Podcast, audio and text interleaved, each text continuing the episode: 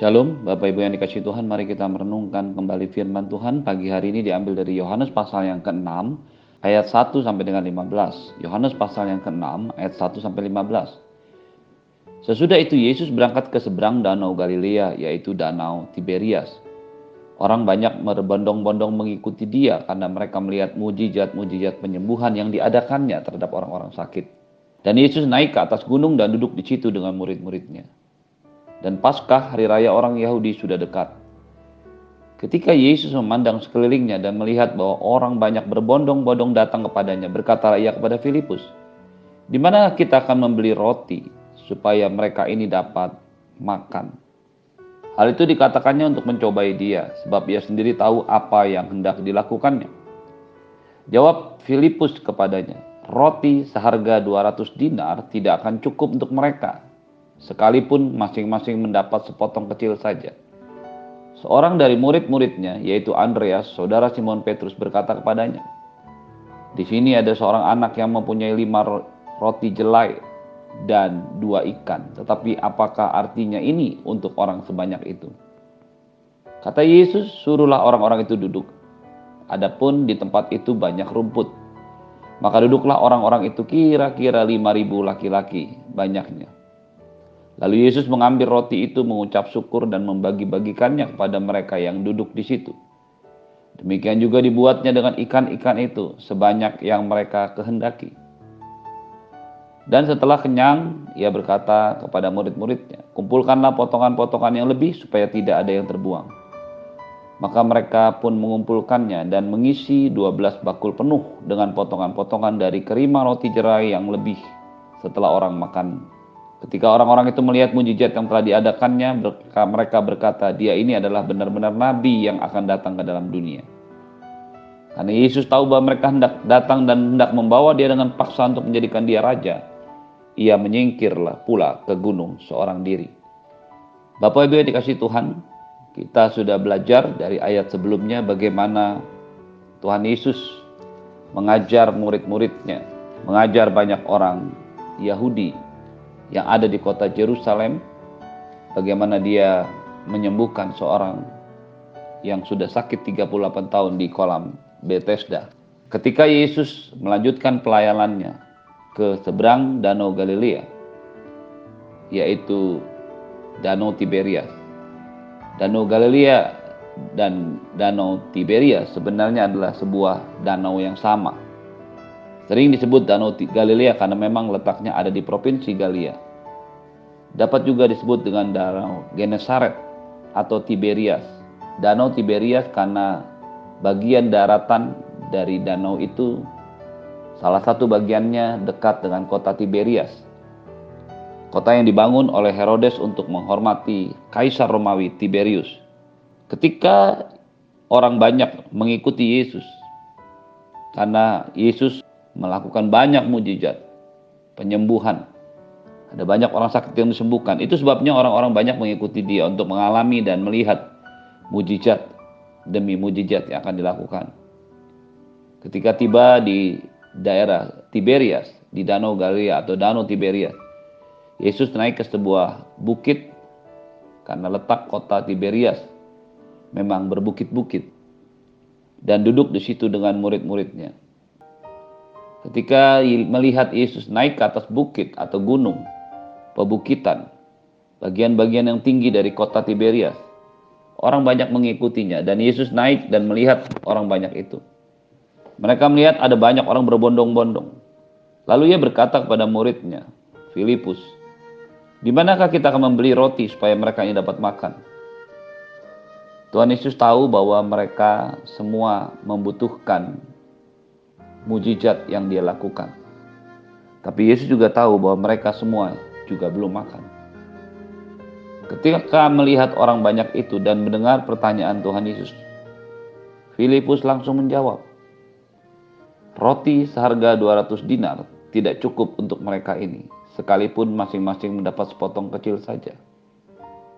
Apa yang dilihat oleh Filipus sebenarnya adalah sebuah fakta begitu banyak orang yang akhirnya diketahui berjumlah 5.000 orang laki-laki dan Tuhan Yesus meminta dia untuk mencari tempat di mana mereka bisa membeli roti untuk memberikan mereka yang datang semua itu makan.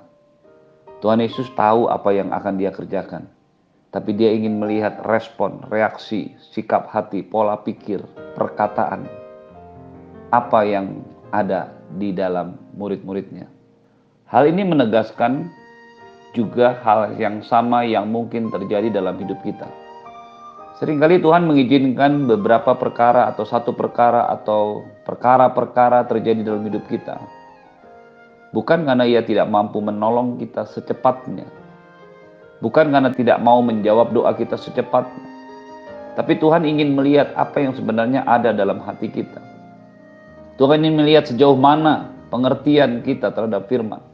Ini adalah sesuatu yang wajar karena setiap kali satu pelajaran diberikan, haruslah ada tes atau ujian untuk membuktikan, bukan untuk menjatuhkan, tetapi untuk melihat apakah kita sudah mengerti dengan apa yang disampaikan, diajarkan. Banyak orang berpikir bahwa Tuhan tidak pernah menguji. Mungkin mereka berpikir atau mendasari pikiran mereka dari ayat-ayat yang lain. Tetapi dari ayat ini jelas bahwa Tuhan ingin menguji Tuhan ingin tahu apa yang ada dalam hati Filipus dan juga murid-muridnya yang lain.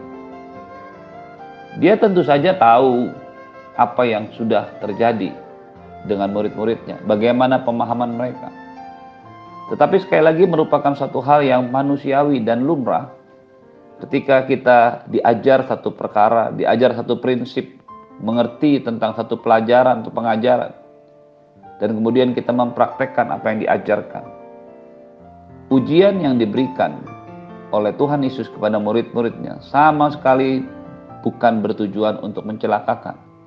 Hal inilah yang sering kali disalahartikan oleh beberapa orang penganut ajaran hyper grace. Mereka berpikir bahwa karya Yesus di atas kayu salib yang membuat kita percaya dan menerima Yesus sebagai Tuhan dan Juru Selamat pribadi membuat kita menjadi pribadi yang baru semuanya. Padahal kita mengerti dengan jelas bahwa yang dimaksudkan semua di dalam ciptaan yang baru adalah manusia rohani kita. Karena bagaimanapun tubuh jasmani kita, tubuh jiwani kita, cara berpikir, pola berpikir, tindakan kita, kata-kata kita, masih tetaplah yang sama. Betul, secara rohani tubuh roh kita baru, roh kita dihidupkan menjadi tempat kediaman roh Allah. Tetapi tidak demikian halnya dengan jiwa, pikiran, emosi, perkataan, keinginan kita. Begitu pula dengan tubuh kita. Kita tetap memiliki tubuh yang sama, tubuh daging yang sama. Pola pikir yang sama, tetapi harus diubahkan. Itu sebabnya beberapa kali Rasul Paulus mengingatkan beberapa jemaat baik di Roma, baik di Efesus, untuk berubah. Berubahlah oleh pembaharuan budimu. Di dalam kitab Efesus, kepada jemaat di Efesus, Paulus mengingatkan mereka untuk dibaharui dalam roh dan pikiran. Inilah yang sebenarnya dilakukan oleh Tuhan Yesus kepada murid-muridnya. Dia ingin tahu apa yang ada dalam pikiran Filipus dan juga Andreas dan murid-murid yang lain. Manakala mereka harus dihadapkan pada satu kondisi yang menjepit sesuatu keadaan yang secara lahiriah, secara manusiawi tidak ada solusi. Lihatlah apa yang dikatakan oleh Filipus. Uang 200 dinar tidak cukup untuk memberi makan orang banyak ini. Seorang teolog dan penafsir Alkitab pernah menghitung jika upah kerja satu orang di Israel pada waktu itu adalah satu dinar per hari, maka uang 200 dinar ini adalah uang hasil tabungan selama satu tahun lebih dengan asumsi bahwa sepertiga dari penghasilan kita bisa ditabung. Berarti uang 200 dinar ini adalah uang hasil tabungan 2 tahun. Dan jika itu dibelikan roti, maka tidak cukup untuk mencukupi 5.000 orang. Dia juga pernah menghitung secara kasar bahwa 200 dinar ini sebenarnya hanya cukup untuk memberi makan roti sekitar 1000 sampai 1500 orang. Sementara yang ada pada waktu itu 5000 orang. Ketika fakta ini terjadi, maka Filipus berkata, uang 200 dinar tidak cukup. Andreas berkata lain. Dia berkata, di sini ada seorang anak kecil yang membawa lima roti jelai, bukan lima roti besar. Roti jelai adalah roti bukan roti yang terbaik, bukan roti yang terbesar. Satu roti bagian roti kecil yang sudah dipotong-potong dan dibawa oleh anak kecil entah untuk diperdagangkan, entah untuk menjadi bekal dia. Dan dua ekor ikan. Apa yang dikatakan oleh Andreas mungkin sedikit lebih baik daripada apa yang dikatakan oleh Filipus. Filipus mengatakan uang 200 dinar tidak cukup untuk membeli roti, memberi makan mereka.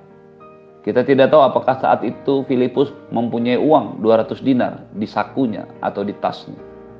Tetapi pengandaian ini menunjukkan bahwa Filipus mengatakan, kalaupun kita mempersiapkan acara ini dengan baik sehingga kita memberikan tabungan, menyiapkan tabungan, maka tetaplah tidak cukup untuk menyelesaikan masalah ini.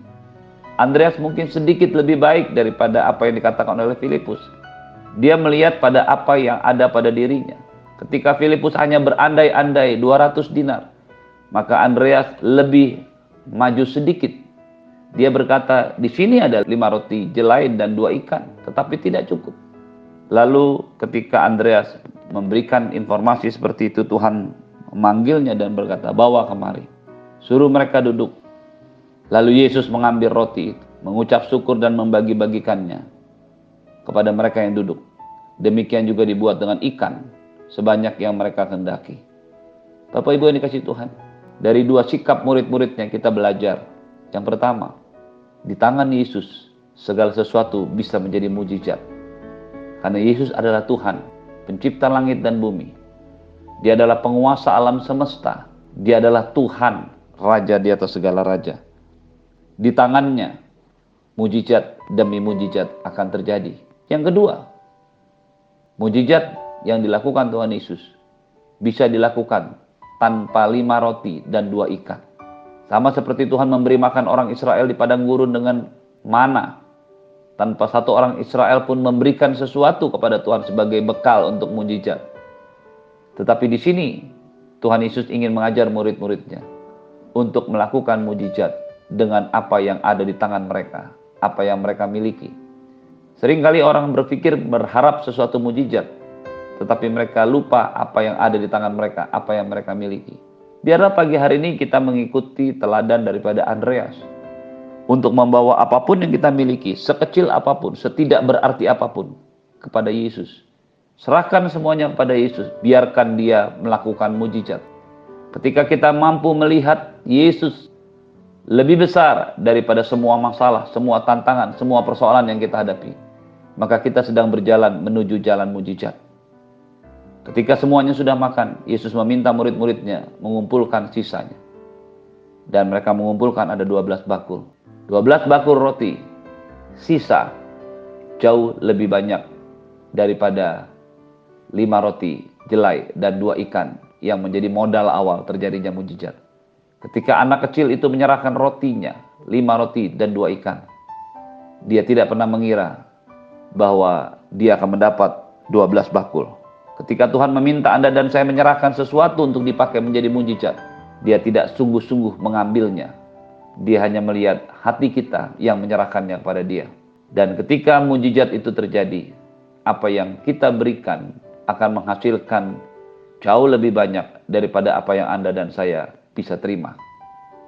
Ketika Yesus melihat itu, melakukan itu, banyak orang hendak menjadikan dia sebagai raja, bukan sebagai Tuhan tapi sebagai raja yang akan membebaskan Israel secara jasmani, secara negara, secara politis.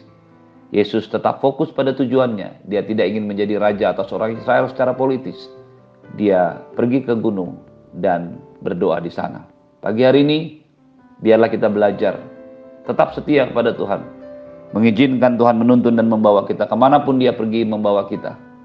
Biarkan kita didapati setia. Beriman dan terus percaya pada mujizatnya. Maka mujizat-mujizatnya akan terjadi dan kita alami dalam hidup kita. Terimalah berkat yang berlimpah dari Bapa di surga, cinta kasih dari Tuhan Yesus, penyertaan yang sempurna dari pada Roh Kudus, menyertai hidupmu hari ini dan sampai selama-lamanya. Shalom.